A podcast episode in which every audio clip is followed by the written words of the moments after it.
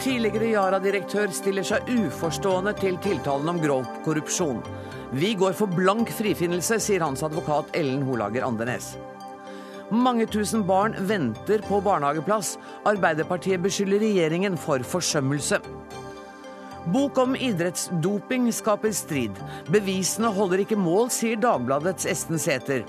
Dette er en viktig bok som fortjener oppmerksomhet, sier VGs Truls Dæhlie.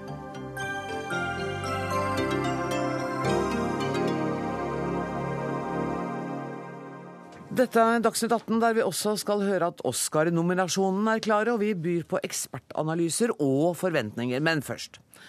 Tidligere konsernsjef i Yara, Torleif Enger, er tiltalt for to tilfeller av grov korrupsjon fra tiden han var konsernsjef i selskapet.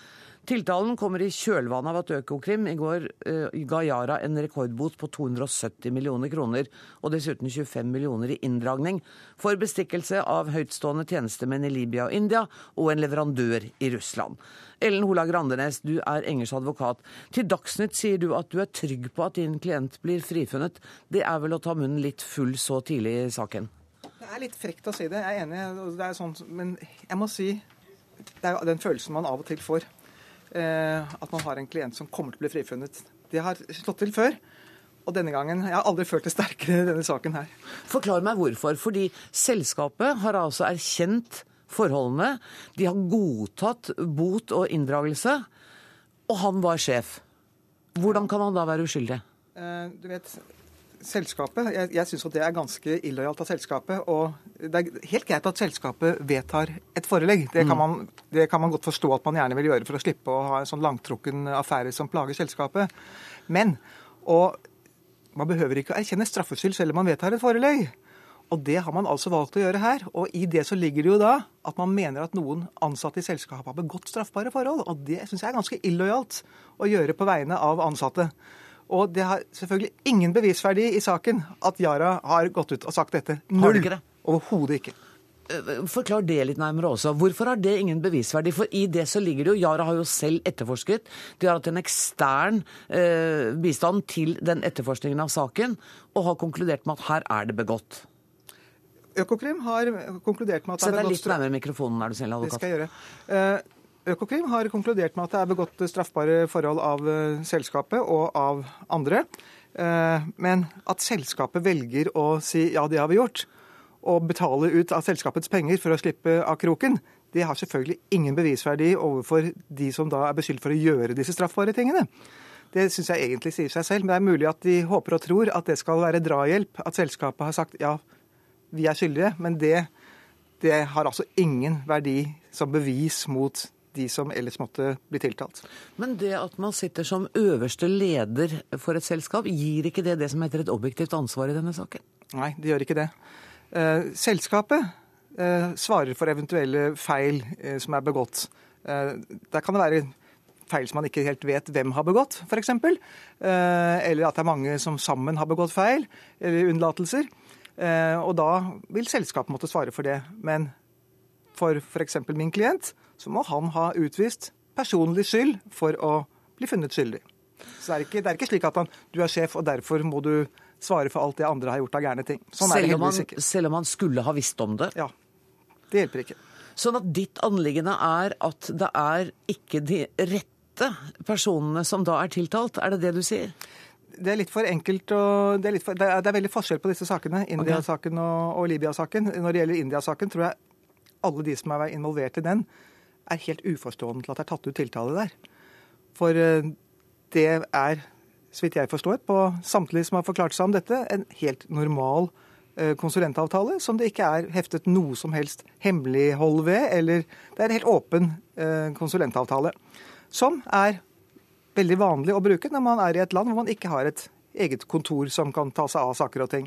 Nå snakker du om tiltaler som ikke er offentliggjort ennå. Vi andre vet jo foreløpig bare om den som er rettet ja, men det er, mot den. Det er jo det samme, det er jo det samme forholdene ja, det gjelder her. Ja, jeg bare skal orientere lytterne om at vi Ja, nettopp. nettopp.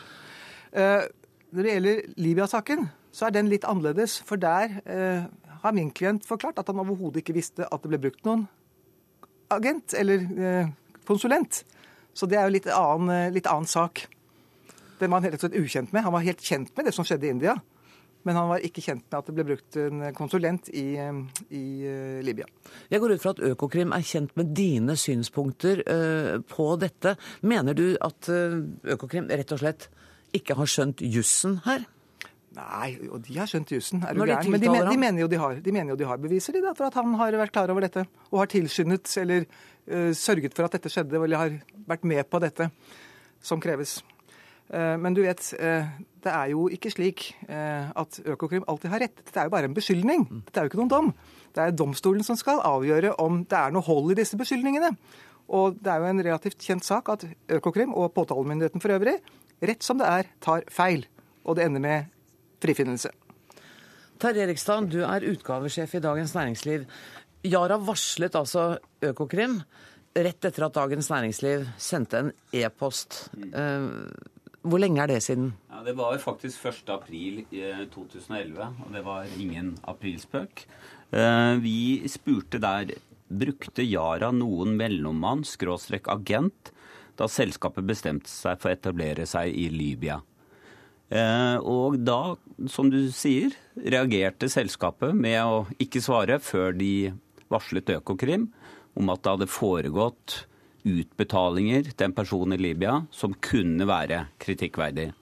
Da begynte jo saken å rulle. Da ble det kjent eh, at eh, Økokrim hadde blitt varslet. Yara engasjerte en ekstern gransker Eh, og det ble dokumentert en rekke forhold som har ledet frem til dette, eh, denne saken. Denne alvorlige korrupsjonssaken, ifølge Økokrim. Og bare for å understreke at Da dere sendte den e-posten, så var altså Enger ikke lenger konsernsjef? Da, var, da hadde Haslestad allerede overtatt? Da var det Haslestad som eh, var konsernsjef. Du, kan, kan, du fortelle litt om, for dette er jo utrolig besnærende for journalister, hvordan jobber man med en sånn sak? Var dere mange på jobben?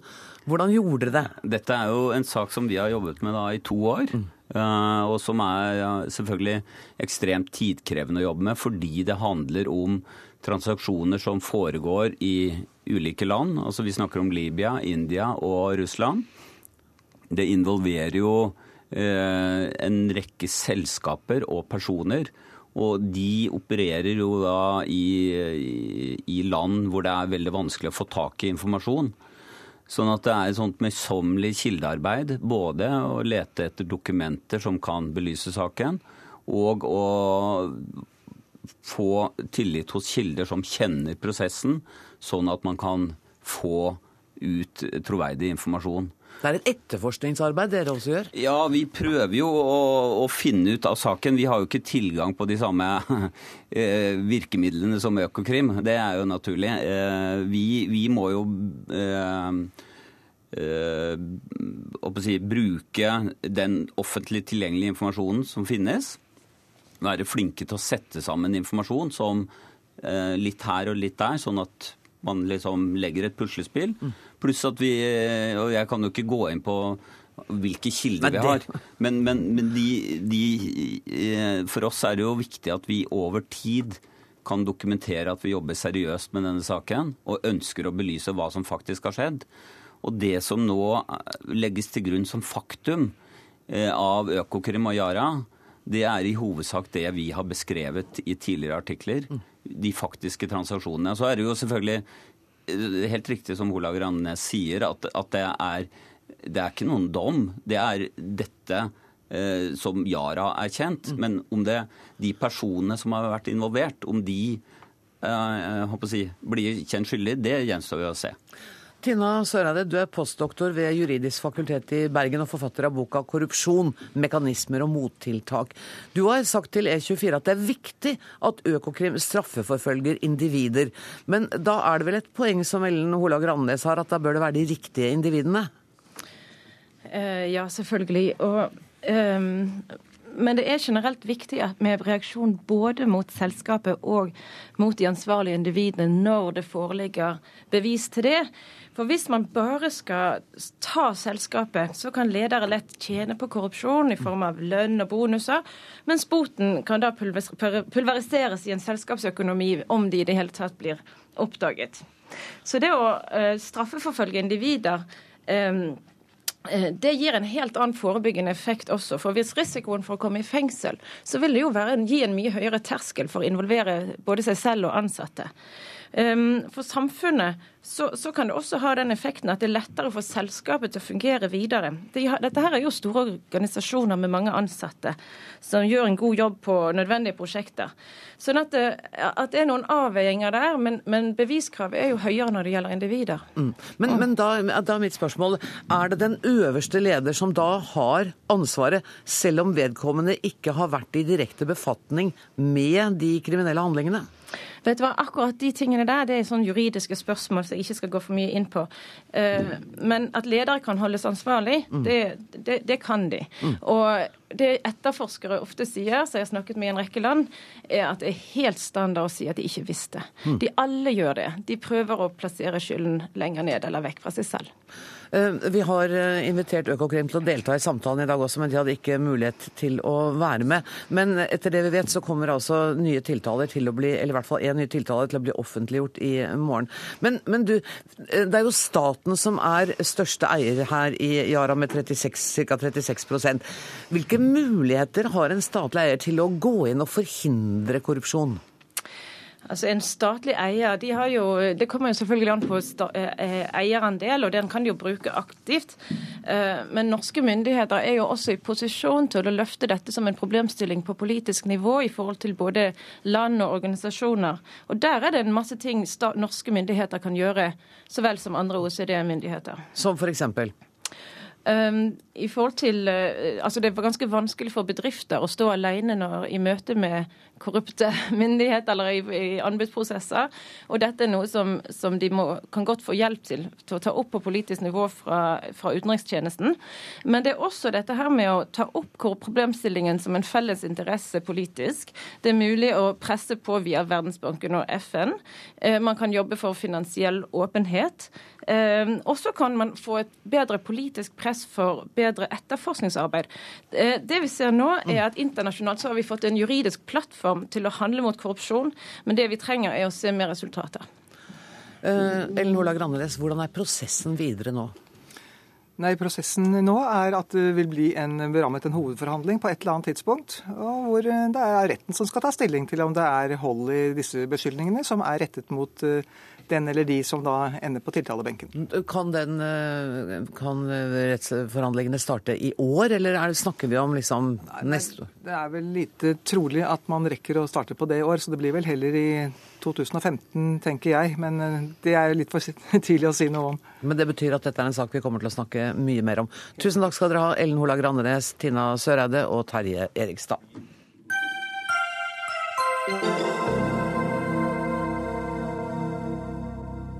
Vi trenger ikke flere regler for å få tryggere veier, men regjeringen må sørge for at vi håndhever dem vi har, bedre. Det mener Arbeiderpartiets Anette Trettebergstuen, som i dag la fram et forslag på ti punkter for Stortinget for å bedre sikkerheten. Trettebergstuen, forslagene dreier seg om transportsektoren, eh, og særlig kanskje om utenlandske vogntog i dårlig stand og med sjåfører som ikke er kompetente. Hvilke av de ti forslagene vil du sjøl si er det viktigste, hvis det går an å gjøre det, da? Nei, altså... Vi har lagt fram ti si, like viktige forslag, og jeg tror de ti forslagene sammen vil kunne virke på den måten at vi får eh, tryggere tilstander på, på norske veier og en mer eh, seriøs eh, transportnæring. Så jeg har vanskeligheter for å velge ut ett forslag, men jeg vil jo si at det viktigste er som du sier at reglene vi har i dag, de, de håndheves ikke godt nok. Etatene må settes i stand med ressurser til å kunne kontrollere mer og, og, og gjøre jobben, holde igjen kjøretøy og den type ting. Men så kan det nok hende at vi trenger noen skjerpa regler også. F.eks. når det kommer til kompetansen hos eh, utenlandske sjåfører, som kommer kjørende over grensa og aldri har sett en, eh, en glatt vei før. Så må vi kunne se på om vi kan kreve glattkjøringskurs, sånn som norske sjåfører eh, har krav om. I tillegg til at vi ser at selv om vår regjering innførte strengere regler til vinterdekk i sommer, eh, som gjelder fra nå, så kan nok hende at vi trenger å skjerpe opp de kravene også. For vi ser nå daglig, og akkurat mens, nå mens vi sitter her, så står det trailere rundt om på norske veier, sperrer veiene. Det er ulykker. I går så hadde man en times kontroll i Østfold. Man stansa noe sånn som 40 trailere. Ti av dem var i så dårlig stand at de måtte ta seg av veien. Dette skaper utrygghet for alle andre bilister på veien, og det skaper en useriøs transportnæring. Men mange av oss har visst om dette i mange vintre. Det, Ja. det skjedde liksom ikke i går. Nei, det gjorde det ikke. Eh, dette er nok en utvikling som har økt eh, mest de siste par åra, og kanskje mye etter finanskrisa òg. Men vi den forrige regjeringa la fram en handlingsplan mot sosial dumping i transportnæringa i Stortinget i mai. Den brukte vi over et år på å lage sammen med partene i arbeidslivet. Der kommer vi med noen tiltak, og vi har jo gjort ting før den planen også, bl.a. gjennom Samferdselsdepartementet når vi hadde styringa der. Eh, Men vi varsla også at vi kom til å komme med, med nye tiltak. Eh, Jeg lanserte sju av disse tiltakene eh, 17.8 i valgkampen, eh, og nå legger vi det altså fram som forslag til Stortinget. Samferdselsminister Ketil Solvik-Olsen, har, har du rukket å se på disse forslagene? Det har jeg. Eh, Og de minner veldig mye om det som jeg selv var ute og sa på NRK Nordland i, i november. Da tok vi til orde for at vi måtte sette i gang arbeid med mye av dette, fordi at eh, reglene var ikke på plass. Så vi må altså begynne et arbeid fra, fra scratch, dessverre. Det handler om å, prøve å få innført et vinterførerkort for, eh, for alle sjåfører. Men det vil jo bety at òg utenlandske tra- trailersjåfører må vise at de har, kan beherske glattkjøring. Eh, Det må òg vise at de kan beherske å legge på kjettinger. En ting er at vi teller kjettingene på grensen, vi må òg vite at de kan bruke dem. Det handler om at vi òg må se på vinterdekk på tilhengerne. Det som eh, den forrige regjeringen innførte, det handler altså om eh, trekkvogner, men ikke tilhengeren. Så eh, var Noe av det første vi gjorde når vi tiltrådte, det var å øke kontrollvirksomheten på grensa. For Det hjelper ikke at du har strenge regler hvis du ikke sjekker de som kjører.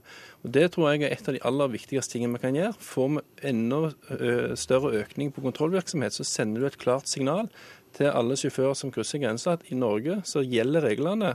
og Hvis du bryter de, så vil det koste deg dyrt. Derfor kommer vi nå til i løpet av en måned til å ha en egen pressekonferanse rettet mot utenlandske medier, spesielt østeuropeisk, for å sende det signalet til dem.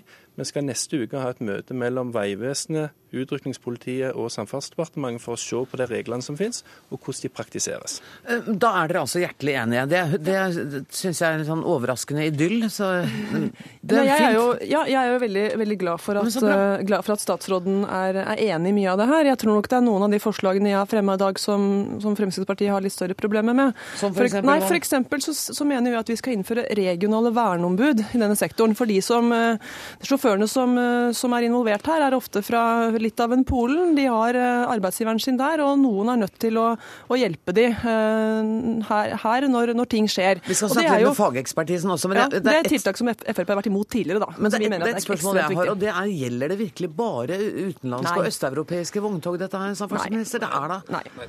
Problemet gjelder både norske og utenlandske sjåfører. Det er ofte uten, oftere utenlandske sjåfører som står på, på tvers av veiene, men det er oftere norske sjåfører som kjører ut fra veiene.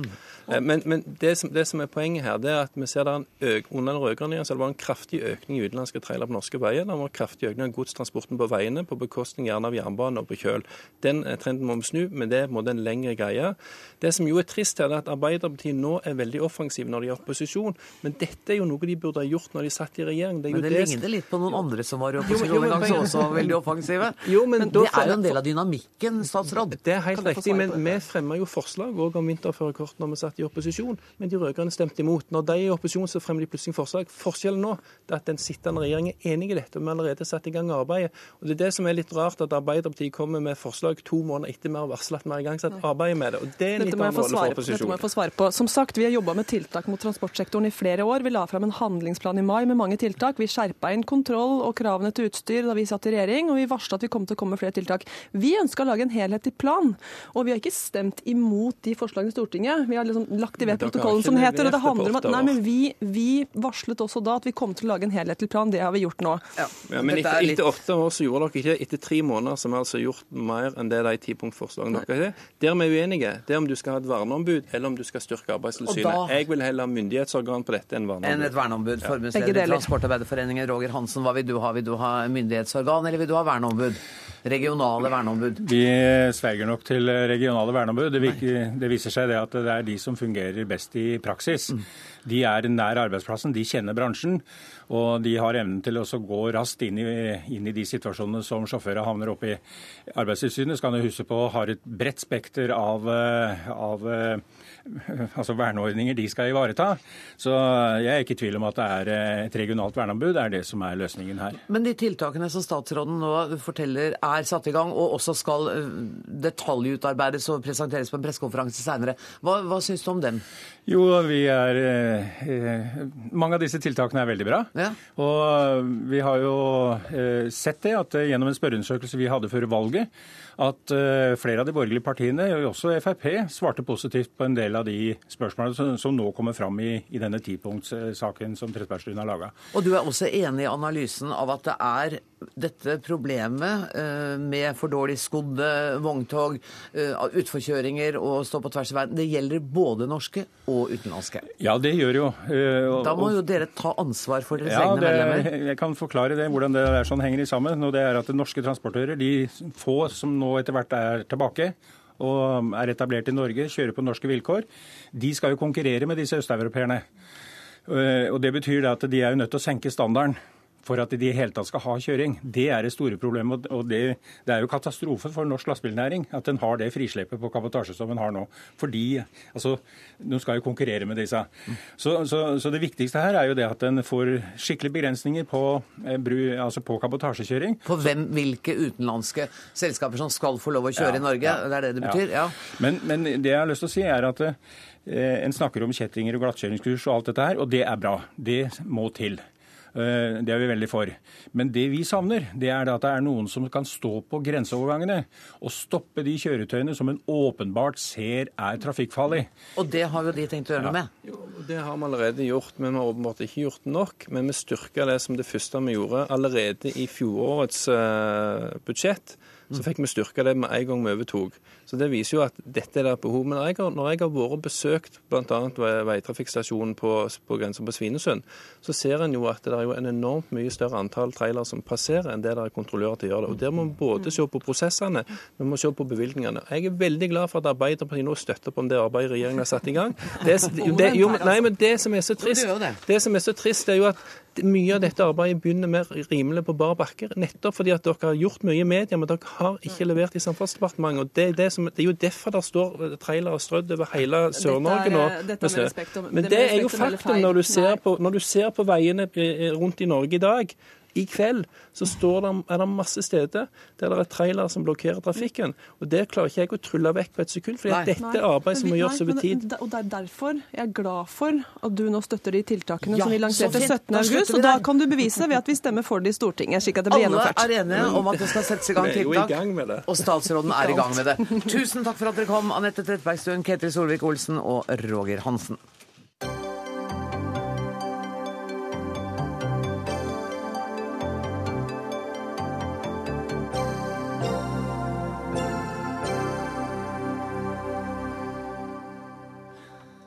Forfatter Mats Drange, du har arbeidet i Antidoping Norge i ti år, både som dopingkontrollør, forskningsrådgiver og avdelingsleder.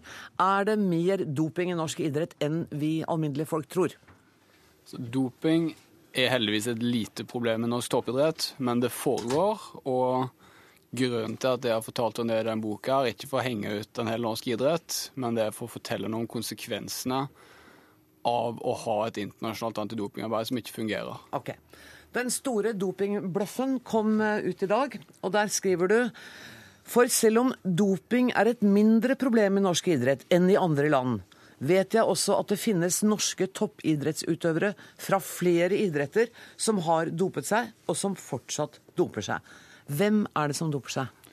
Det ønsker ikke å si noe om. Jeg ønsker ikke å spekulere noe mer eller gå noe mer i detalj på det. For poenget mitt med den boka er ikke å henge ut utøvere, men det er å kritisere et system som ikke fungerer, og som heller etter mine øyne aldri har fungert. Hvilke grener snakker vi om da? Jeg ønsker ikke å gå i detalj på det, for jeg ønsker ikke å skape noe mer spekulasjon om hvem disse er eller ikke. For dette her er systemet ute etter å ta, ikke enkeltutøverne. Men du skjønner vel at det oppstår spekulasjoner når du i boka di sier at du vet at det er idretts, toppidrettsutøvere, både tidligere og nåværende, som gjør det? Det skjønner jeg, og derfor var det også en vanskelig overveielse om jeg skulle ta det med eller ikke. Men jeg mente det var viktig for boka, for det var viktig å si noe om at at selv i Norge så får det konsekvenser når testsystemene ikke fungerer. Både for de få som velger å benytte seg av sjansen til å jukse, men enda viktigere for det sier noe om hvor lett det er å slippe unna andre plasser. Ja, Du sier jo at du skal være enten dum, ha dårlige rådgivere eller være svært uheldig for å teste positivt på doping i idretten. Er det så alvorlig? Ja, dessverre så er det det. Eh, jeg går ut fra at du også har eh, fått med deg at denne boka har, eh, valgt, har vakt noe oppmerksomhet. Og leder i Antidoping Norge og hans tidligere sjef, Anders Solheim. Hvordan reagerte du på boka? Jeg syns det er mye som Mats skriver som er bra, er helt greit at han skriver. Men jeg syns ikke noe om at han trekker fram interne dokumenter Eh, og interne prosesser som eh, vi har jobba med i, i, boka. Jeg tror den boka har stått seg veldig bra uten det. Og Det er klart det er vanskelig å avdekke doping. Det har Mats helt rett i. Det er mulig å komme seg unna pga. korte deteksjonsvinduer på stoffer. Enkelte stoffer som er nesten umulig å spore i det hele tatt. Og Det er en stor utfordring for antidopingarbeidet. Det har det vært. Og det jobber vi med, og vi blir bedre og bedre år for år. Og det er jo det som er grunnlaget også for at vi får en sak som eh, nå med US Post eller Lance Armstrong.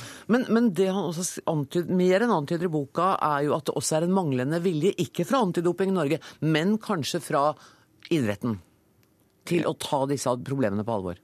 Jeg tror at internasjonal idrett bør eh, kikke til maktfordelingsprinsippet, sørge for å ha uavhengige domstoler sørge for å ha åpne domstoler og skille mellom det lovgivende og utøvende organet, sånn at man ikke får, kan så tvil om motivene er eh, å sikre bedre omdømme eller å ta juksemakerne. Der tror jeg internasjonal idrett har en vei å gå. ja.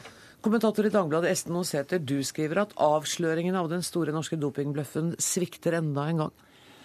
Ja, altså Den svikter jo ikke selve boka, for boka er, eh, boka er flott og, og, stiller veldig mange fine både spørsmål og forklaringer. kommer den også med, Men For det var ikke det jeg leste men, ut av kommentaren din? Nemlig. Nei, det var helt korrekt. fordi at jeg har jo hengt meg opp, og, og kanskje jeg er for ensidig der, men, men jeg har hengt meg opp i, i eh, eksempelet som er kommet fra etterforskningsnotatene.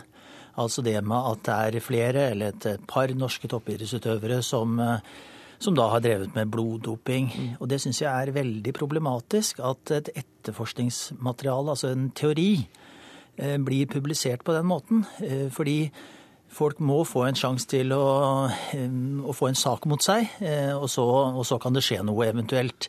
Vi pleier jo ikke å få ut eh, politiets notater, i hvert fall ikke i, beste fall. Når det er snakk om vanlige rettssaker, så pleier det altså å bli en, en type saksøking eh, før det, før det kommer til å skje noe. Og det har ikke skjedd i dette tilfellet her. og da da blir det jo slik, fordi dette er jo i en, i en rekke. ikke sant? Det var en, en svensk, et svensk TV-program sist vinter mm. som gjorde at et langrennsmiljø ble mistenkeliggjort, og folk vil umiddelbart tenke at oi, det var jo noe i den saken da. Men med all respekt, Sette, det du kritiserer ham for, er jo en liten del av boka. Den boka handler om veldig mye mer enn akkurat de to profilene. Ja, det, det gjør den, men samtidig så, så vi som holdt på å si, kjenner på, på pulsen denne, denne dopingdebatten altså jeg er jo sjøl jobbet hardt med det i, i, flere år. Vi merker jo at mistroen blant publikum er ganske stor, også mot norske utøvere. Og det vi må kunne klare å, å skjønne hva er konsekvensene når vi bringer eh, til torgs slike, slike saker også. Hvordan vil folk reagere, må vi, må vi tenke litt på. Kommentator i VG Truls Sterner, din kommentar var langt mer positiv eh, enn Esten Seters. Hvorfor syns du dette er en viktig bok som fortjener vår oppmerksomhet?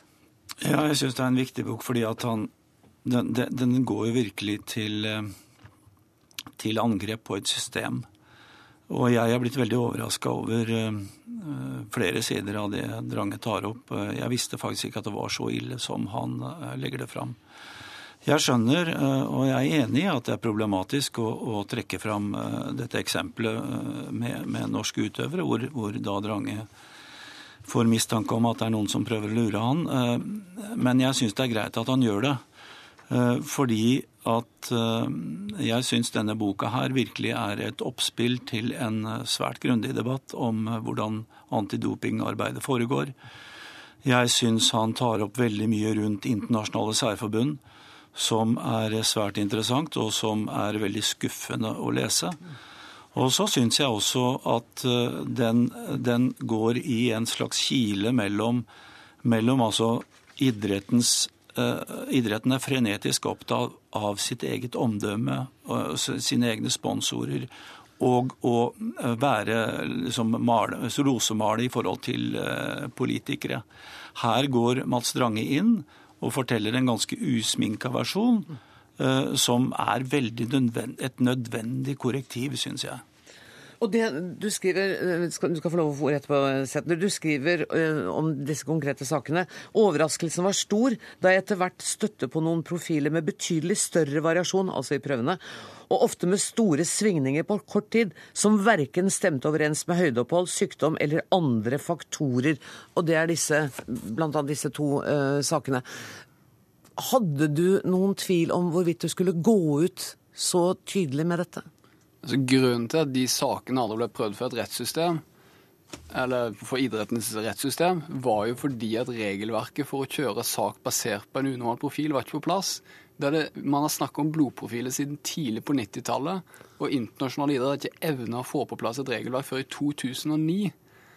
Og konsekvensen er jo det at mange dopa utøvere har konkurrert og vunnet medaljer og tatt sjansen for de rene utøverne i hele den perioden ikke fordi det var et teknologisk forsprang, men fordi det mangler fullstendig vilje i internasjonal idrett til å ta tak i det. Og det er jo i sympati med de at jeg skriver dette her. De utøverne eh, som, eh, som, vi hadde mistanke til, de kunne vi ikke kjøre sak på. Eh, en dopingsak skal ikke foregå i media, men i rettssystemet. og Derfor er det heller aldri aktuelt for meg å si hvem det gjaldt. og Derfor er det heller ikke aktuelt å si det i dag. Og Det er snakk om et par blant flere hundre. Jeg er ikke helt med på at det mistenkeliggjør en hel idrett. Uh, og det, jeg mener dette er en helt annen kategori enn den svenske dokumentaren som går på enkeltutøvere. Jeg går på systemene. Mm. Men, men, det var såpass alvorlig at du gikk til din overordnede, og dere hadde et uh, møte med idrettsledelsen? Det kan jeg bare si, det er jo at Grunnen til at vi informerte Norges idrettsforbund, var ikke fordi at vi mente at de hadde noe de skulle gjøre. Vi følte det var rett, Der følte vi det var rett å informere dem. Eh, det er Antidoping Norge sitt ansvar å, å føre dopingsaker, ikke Norges idrettsforbund, men vi syns det var rett å informere dem. Setter.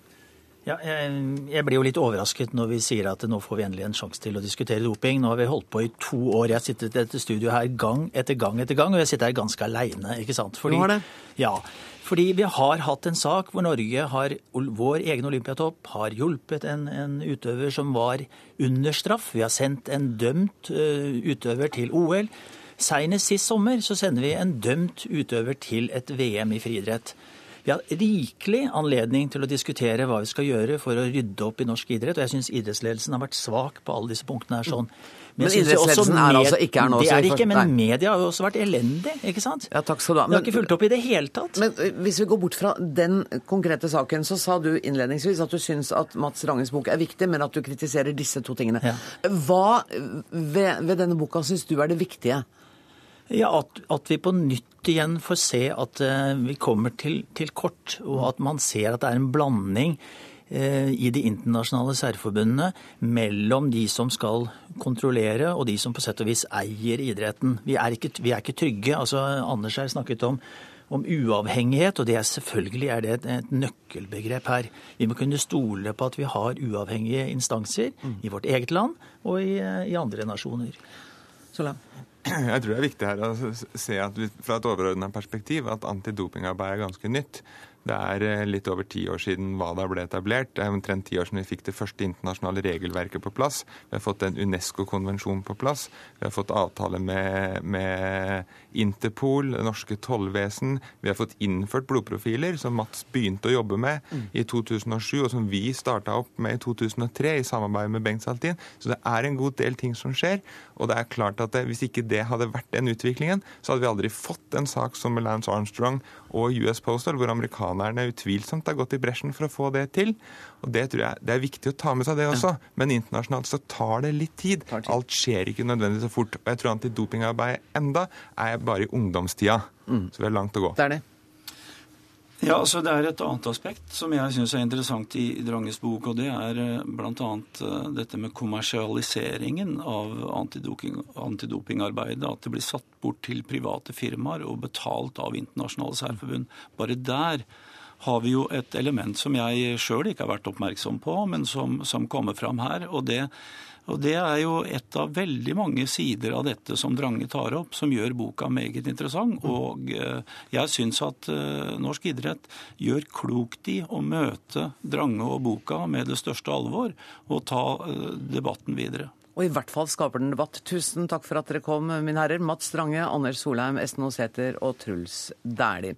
Jeg skal bare også fortelle at uh, nå går uh, NRK2 uh, fjernsynssendingen snart av lufta, for om noen minutter så sendes NM i hopp. Men Dagsnytt 18 fortsetter i radioens P2 og selvfølgelig på nett nrk.no.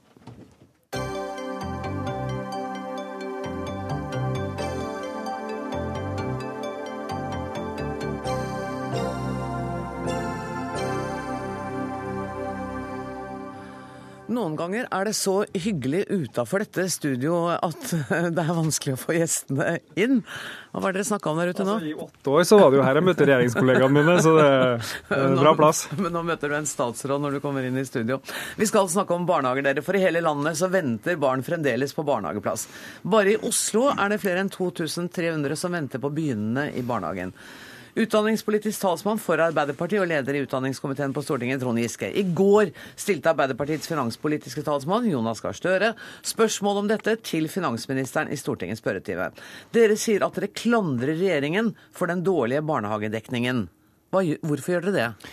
Det ble jo nylig avdekt bl.a. i Oslo at det står flere tusen barn uten barnehageplass, selv om foreldrene ønsker det, fordi de er født på feil tid i året. Det var den siste biten av den store barnehagereformen som har gitt full barnehagedekning, nemlig at du også kan få plass sjøl om du ikke har født barn før 1.9. Det la vi inn penger til i statsbudsjettet for 2014. Holdt prisene lave, skulle ha 7000 flere barnehageplasser. Og på tross av at Eh, både Høyre og Frp i valgkampen eh, var veldig høyt på banen eh, og mente at det var viktig å sørge for flere opptak. Så tok de altså disse pengene ut av statsbudsjettet igjen. Det er synd for disse barnefamiliene, det er synd for ungene, men det er også synd for kunnskapssamfunnet. fordi vi vet at gode barnehageplasser, det å begynne i barnehage, det å gå der, det er bra opp gjennom hele skoleløpet. Men, men kravet om mer enn ett opptak i året har ligget der i mange år fra sterke grupper, og dere har skrubba så støvskyen har stått.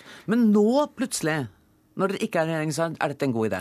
Vel, jeg vil ikke egentlig kalle det skrubbing når vi i løpet av våre år i regjering sørga for 80 000 flere barnehageplasser. etter vi har brukt nesten 20 milliarder mer på barnehage. Så dette var jo en svær reform som begynte i 2005, eh, da vi overtok. Men jeg spurte om opptak, jeg.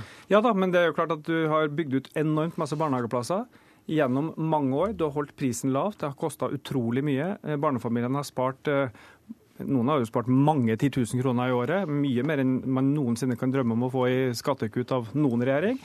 Eh, og så var det den siste biten som skulle på plass, nemlig at man skulle få flere opptak, sånn at alle eh, ettåringer eh, kunne komme inn i barnehagen.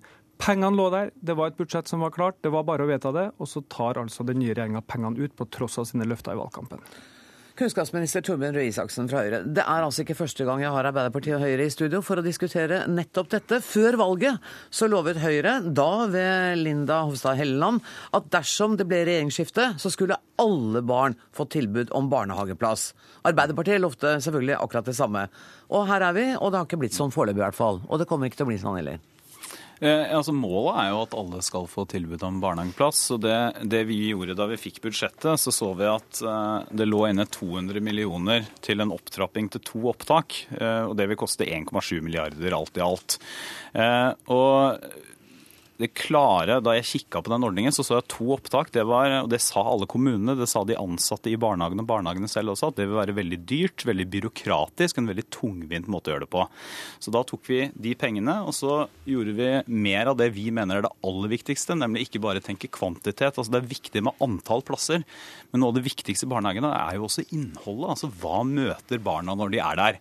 Så har vi samtidig da satt i gang et arbeid for å se om det er mer fleksibilitet? Altså Kan vi få mer fleksibilitet i barnehageopptaket, sånn at også foreldre som har barn som er født etter 1.9, kan få plass? I dag så er det halvparten av de som er i barnehage, altså som ikke har rett til barnehageplass.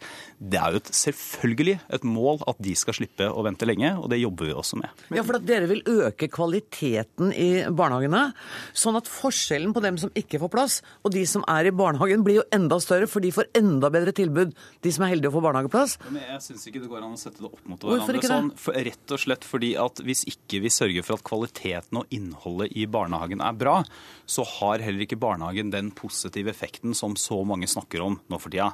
Altså det å få fire, femåringer, treåringer inn i barnehage, ha en barnehage som har nok barnehagelærere, har nok voksne til stede, har et pedagogisk opplegg som gjennom lek og læring gjør at barna tar til seg kunnskap og lærer å få utforske tidlig, det er utrolig viktig, og det var det vi satsa på i dette årets budsjett. Så skal vi komme tilbake til bl.a. å se hvordan vi kan få mer fleksibilitet i systemet, sånn at mange av de som sitter og venter nå, de skal slippe å vente så lenge. Men det, men det er jo ikke sant det du sier. For det er jo ikke sånn at man har tatt de pengene som vil gå til flere plasser og brukt på kvalitet i barnehagen. Man har jo tatt det til andre formål. Altså Barnehagesektoren får jo flere hundre millioner kroner mindre i 2014 enn det vi har lagt opp. Så det går ikke an å si at dette står opp mot hverandre. Og Dette er jo et ekko vi har hørt fra Høyre i ti år. Jeg var jo saksordfører i Stortinget da vi fikk et enstemmig vedtak om full barnehagedekning i 2003-2004. Da var Høyre den siste som kom om bord i kravet eller vedtaket om makspris. For de sa at nei, vi kan ikke ha makspris. Vi kan ikke sette en grense for hva foreldrene skal betale, for det vil gå utover kvaliteten. Det er viktigere, at, viktigere at man betaler 4000-5000 kroner i måneden i barnehage for å få kvalitet. Vel, vi sa det er fullt mulig å få full dekning, gode barnehager og holde prisen nede, som betyr enormt mye for barnefamilienes økonomi og muligheten til å ta jobb. Eh, og nå er det akkurat det samme. Altså, det er umulig å innføre flere opptak fordi det er byråkratisk og det koster for mye. Vel, la oss i hvert fall begynne med to opptak i året. Så er jo det bare et skritt på veien som det Høyre gikk til valg på, som jeg siterer fra program- programmet. Sørge for at kommunene legger til rette for løpende opptak. Det er jo enda dyrere enn to opptak, men vi kan i hvert fall begynne med to opptak i året og hjelpe de mange tusen som står uten barnehageplass. Det hjelper dem, men det hjelper også samfunnsøkonomien, for det blir lettere å komme ut i jobb. Det er arbeidslinja i praksis. Men jeg mener at det går an å få ned ventetidene for de som ikke har rett til barnehageplass i dag, eh, og gjøre det på en måte som er smidigere og mindre byråkratisk enn det to opptaksløpet som Arbeiderpartiet la inn. Hvordan Så da? altså det er- nei, det er det vi- det er jo det vi holder på å se på nå. eh, og det vi må, Jeg har jo sagt det, svart på dette flere ganger i Stortinget, og der har jeg sagt at det må vi komme tilbake til. Ja, men jeg skjønner, det sitter dag- tusenvis av foreldre rundt her og lurer så veldig Det forstår jeg veldig godt. Og i dag har regjeringa tre måneders jubileum, eh, så jeg må be om litt mer tid enn tre Nei, måneder det på det. kan du faktisk men det få. kan, men det, Nei, det skjønner jeg at du er utålmodig. Det er veldig forståelig, og det er veldig bra. Samtidig så er det jo verdt å, si, verdt å tenke litt over også hva er det som er viktig å prioritere raskt. Eh, Og Da ser jeg bl.a. Utdanningsforbundet, som organiserer de norske barnehagelærerne. Altså de som har tatt lærerutdanning og som jobber i barnehagen. De sier at de er veldig skeptisk til Arbeiderpartiets forslag om å låse seg til to opptak. Hvorfor det? Jo, for at de mener at det kan gå på bekostning av kvaliteten i barnehagen. Rett og slett fordi at regninga blir så stor til slutt. Så det er jo ikke noe Høyre eller Fremskrittspartiet har funnet opp dette her. Her er det altså Utdanningsforbundet også som sier at dette her, det kan gå på bekostning av kvalitet og innhold. Og for oss, det viktigste syns jeg først, det er å løfte kvaliteten. Det har vi gjort med jeg trenger ikke å nevne pengebeløpene, 170 millioner ekstra fra 2013 til 2014. Og det syns jeg er veldig bra. Det er veldig viktig, og det har vi tenkt å fortsette med. Men, altså, jeg heier veldig på dem som jobber i barnehagen. og En av de tingene vi foreslo, eh, var jo å styrke finansieringa av eh, utdanninga for dem som eh, skal jobbe i barnehage. Eh, Og vi har bygd ut veldig mange nye barnehageplasser og ansatte. Men i valget mellom, hvis det var en motsetning, da, å satse på de ansatte eller å sørge for at de siste tusenvis av foreldre nå får ungen sin inn i barnehage, så må vi gjøre det siste. Det hjelper jo ikke dem nå som venter helt til ungen er nesten to år for å få en barnehageplass, kanskje får trøbbel med å være i arbeidslivet, kanskje mangler gode omsorgsløsninger, eh, og si at nei, den ordninga her var litt for lite fleksibel, eller vi bør satse på de ansatte så det går utover kvaliteten. Få plass til alle, og så fortsetter vi å satse på barnehage, på kvalitet, på Statsråden- utdanning og på Statsråden innhold. tar med seg den oppfordringen. Jeg er helt sikker Kan på jeg få lov til å at skyte inn en liten ting? Og det er at jeg, jeg prøver ikke å snakke for mye om sånn hva som ble gjort av de rød-grønne satt i regjering sånn, men det er jo et paradoks da at i 2012-tallene, som er de siste tallene vi har tilgjengelig, så ble det jo nesten, ja, hvis jeg ikke husker feil, 2000-3000 færre barnehageplasser for de barna som ikke har rett til barnehageplass. Okay. Og altså der ikke åpna sånn du for nok en stor uenighet mellom deg og Trond Giske, men du fikk siste ord. Tusen takk, statsråd Torbjørn Røe Isaksen. Takk også til Trond Giske.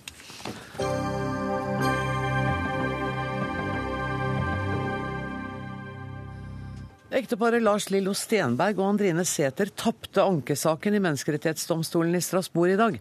Domstolen slår fast at Se og Hør ikke gjorde noe ulovlig da Ukebladet tok bilder av parets bryllupsfeiring i 2005 uten å ha fått parets tillatelse til det. De to vant i tingretten og lagmannsretten, men tapte i Høyesterett i 2008. Halvard Helle, du er Se og Hørs advokat og har lest dommen fra Strasbourg i dag. Hva syns du? Det er en eh, klar dom. Det er en veldig god dom, og det er en enstemmig dom. Og den slår, slår altså fast at eh, Høyesterett utøvde en fullt ut forsvarlig skjønnsutøvelse da de foretok denne avveiningen mellom de kryssende interessene i saken, nemlig hensynet til eh, ytringsfriheten og hensynet til privatlivets fred. Så Strasbourg-domstolen den stadfester egentlig Høyesteretts eh, avgjørelse fra 2008 og bygger på denne. Hvor viktig er denne saken prinsipielt?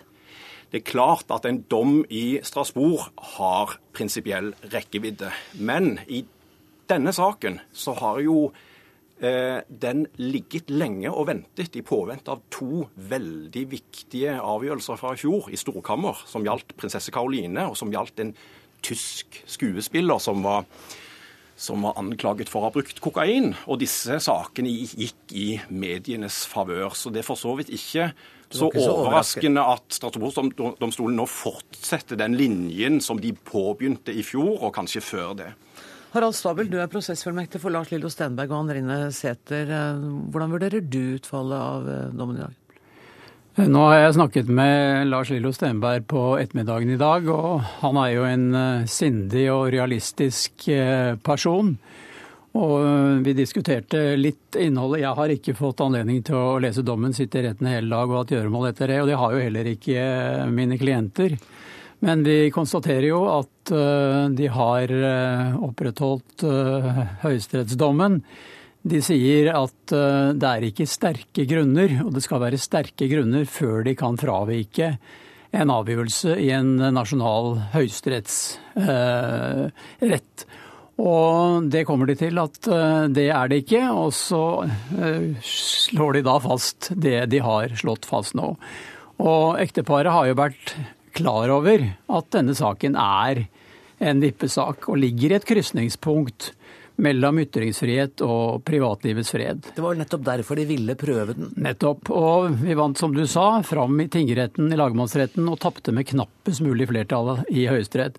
Men Høyesterett slo også fast at det var en krenkelse av deres privatliv, de bildene og den artikkelen.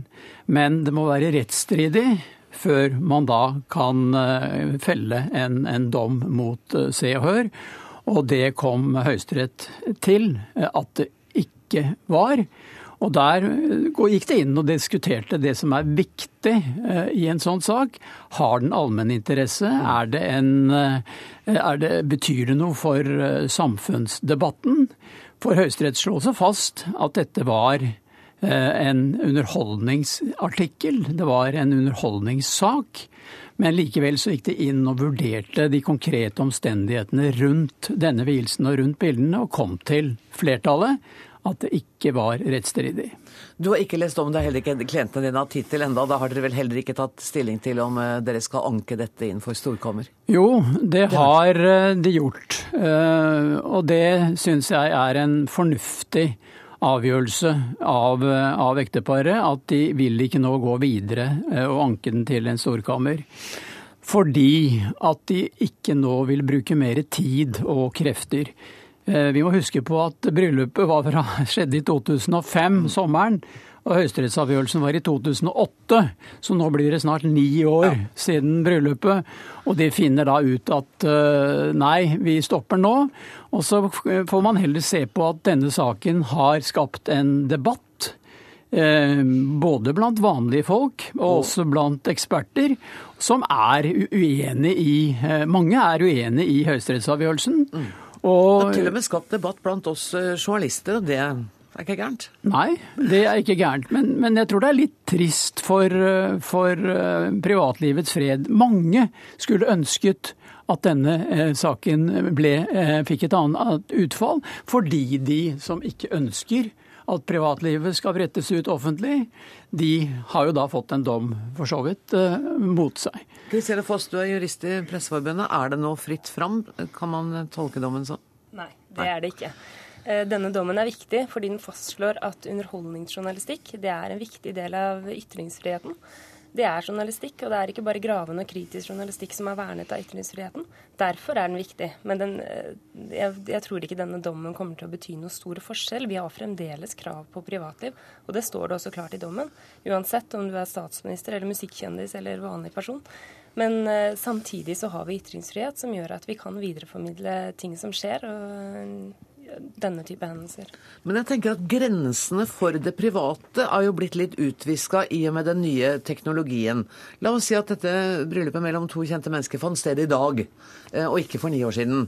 Eh, da ville jo eh, ute på dette stedet hvor de giftet seg, hvor det var tilgang fra sjøen, folk ville tatt bilder av det på Instagram, ville sendt det Altså, ville, ville man i det hele tatt kunnet reise den problemstillingen i år? Ja, absolutt. Men eh, problemstillingen er relevant eh, også i henhold til ny te teknologi. Og absolutt viktig at man stiller de samme spørsmålene opp mot ny teknologi. Eh, samtidig så kan man jo også verne seg. altså Lars Lillo Stenberg kunne jo valgt å ha dette bryllupet på en privat hage eh, altså gjort det mer i skjul, og ikke gjort det på en måte som tilkalte seg oppmerksomhet, som i stor grad var saken i den Men da er du igjen inne på at da må folk altså begrense sin egen bevegelsesfrihet for å ta hensyn til at det kan være journalister på steder som man kanskje syns er det ideelle stedet å gifte seg. Ja, Det er en avveining her, og det er litt prisen man betaler for å ha ytringsfrihet. og Det er en viktig verdi i et samfunn, og det må alltid avveies opp mot privatlivets fred. og Eh, her har jo både EMD også gitt støtte for at uh, dette er en viktig del av ytringsfriheten. Vi har tid til en kort kommentar fra hver av advokatene. Skal vi ta Se og Hør-advokaten først? Ja, Vi må huske på at det er seks år siden Se og Hør vant denne saken med endelig virkning. Og norsk, norsk presse og norsk offentlighet har levd godt med den dommen i disse seks årene. Og det, satt, det ble satt klare grenser den gangen, og de gjelder fremdeles. Stabel, du får siste ordet kort. Ja, bare til dette med, med, privat eiendom. Det var en privat eiendom, det var et privat arrangement. Men det er klart en holme, der har allmennheten rett til ferdsel. Og det ble jo også brukt. Og til telelinsene så sier Høyesteretts flertall at uh, det var bra at de lå i skjul. Slik at det ikke forstyrret uh, selve vielsen dersom de hadde kommet nærmere. Det syns jeg er et uh, merkelig argument, et argument, og det syns også Høyesteretts mindretall. Tusen takk for at dere kom til Dagsnytt 18, Halvard Helle, Harald Stabel og Kristine Foss.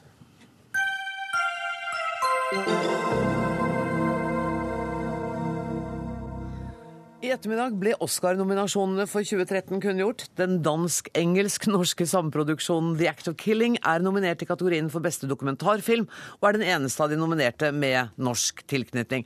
Torstein Grude, filmprodusent i Piraya Film, sammen med bl.a. Werner Hertz og din kollega Bjarte Mørner Tveit, er du en av produsentene bak filmen. Gratulerer med nominasjonen. Tusen, tusen takk. Hva slags film er The Act of Killing? The Killing er en eh, ekstraordinær film. Altså den, eh, vi skjønte fra begynnelsen av når vi ble invitert med, at eh, denne her skilte seg ut fra alt mulig annet vi hadde vært borti. Altså det er en film som går inn i Indonesia, som da er et land hvor det er umulig å snakke om et folkemord som ble gjennomført på 60-tallet. Den inviterer om bord i filmen de som står bak folkemordet altså de som, eh, altså bødlene og de som eh, politisk var med bak dette. Og de er nå i ledelsen i Indonesia.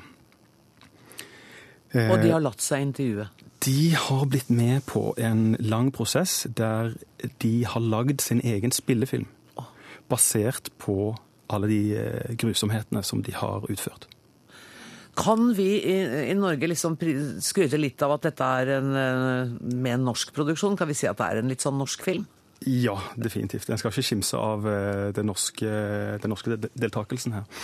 Det er 13 personer i alt som har jobba på norsk side, og ja, veldig betydelig kreativ deltakelse. Har du tenkt deg på Oscar-festlighetene? Ja da, helt klart.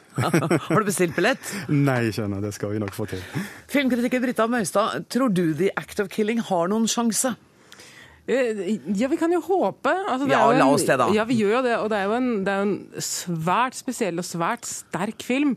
Um, så det er ikke umulig. Uh, nå er det jo ikke alltid sikkert at um, denne nesten myteomspunne Oscar-juryen uh, orker å se dem alle tittekopiene de får.